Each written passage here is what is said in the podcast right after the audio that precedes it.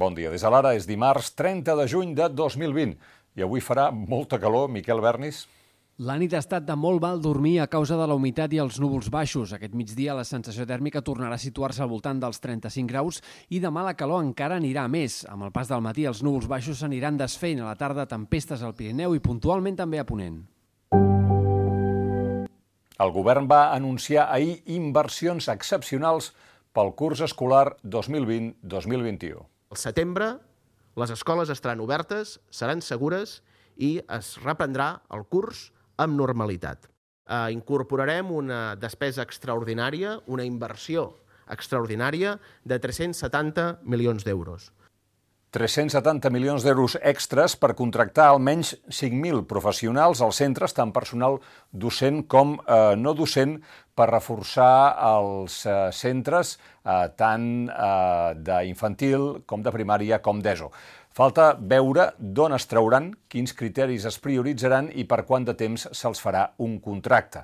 Les ràtios seran les mateixes que fins ara, com a màxim 20 alumnes a infantil, 25 a primària i 30 a l'ESO, i només es canviaran en casos en què sigui la ràtio molt elevada. En aquests grups es permetrà que els alumnes i els docents es relacionin el curs que ve sense mascareta ni distància física de seguretat. I tot això té una explicació, perquè si en un primer moment van dir que el curs començaria mig presencial, mig telemàtic, ahir van dir que no, que la presencialitat seria indiscutible a les etapes obligatòries.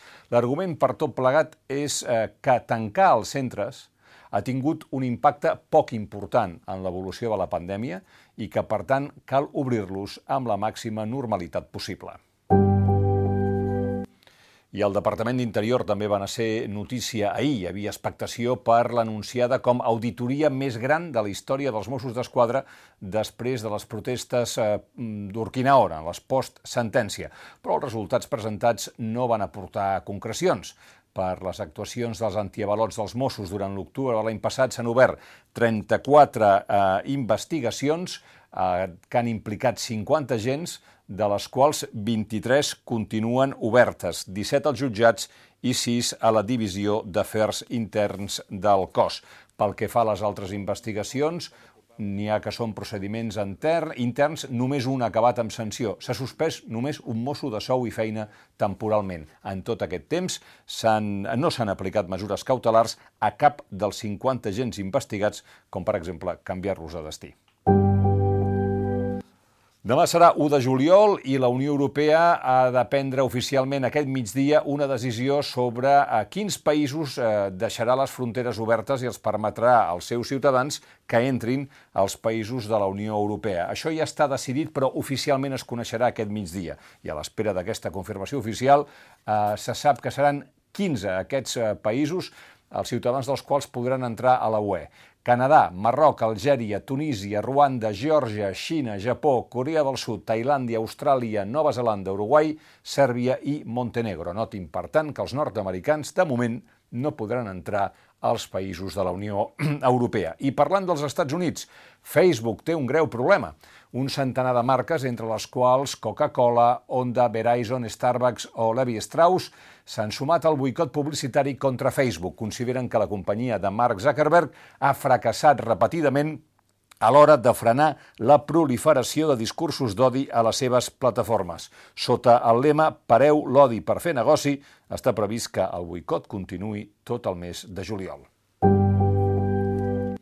És notícia l'oncòleg Josep Tabernero, que va ser guardonat ahir amb el Premi Nacional de Recerca de Catalunya 2019. Tabernero és un dels principals investigadors del món en la lluita contra el càncer. En una entrevista recent a l'Ara, assegurava que amb una vida saludable es podrien evitar entre un 40 i un 50% dels tumors i que això passava per una educació que promogui una alimentació saludable i l'activitat física, així com la reducció de la contaminació.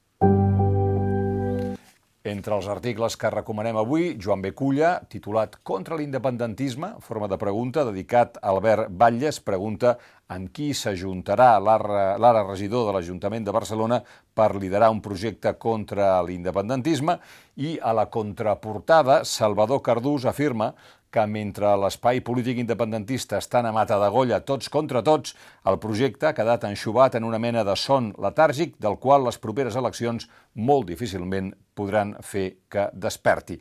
A Cultura, Xavier Juncós ens explica més detalls biogràfics dels espies Bernard Hilda i Joseph Kessel, ara que una polèmica literària els ha posat a la primera pàgina.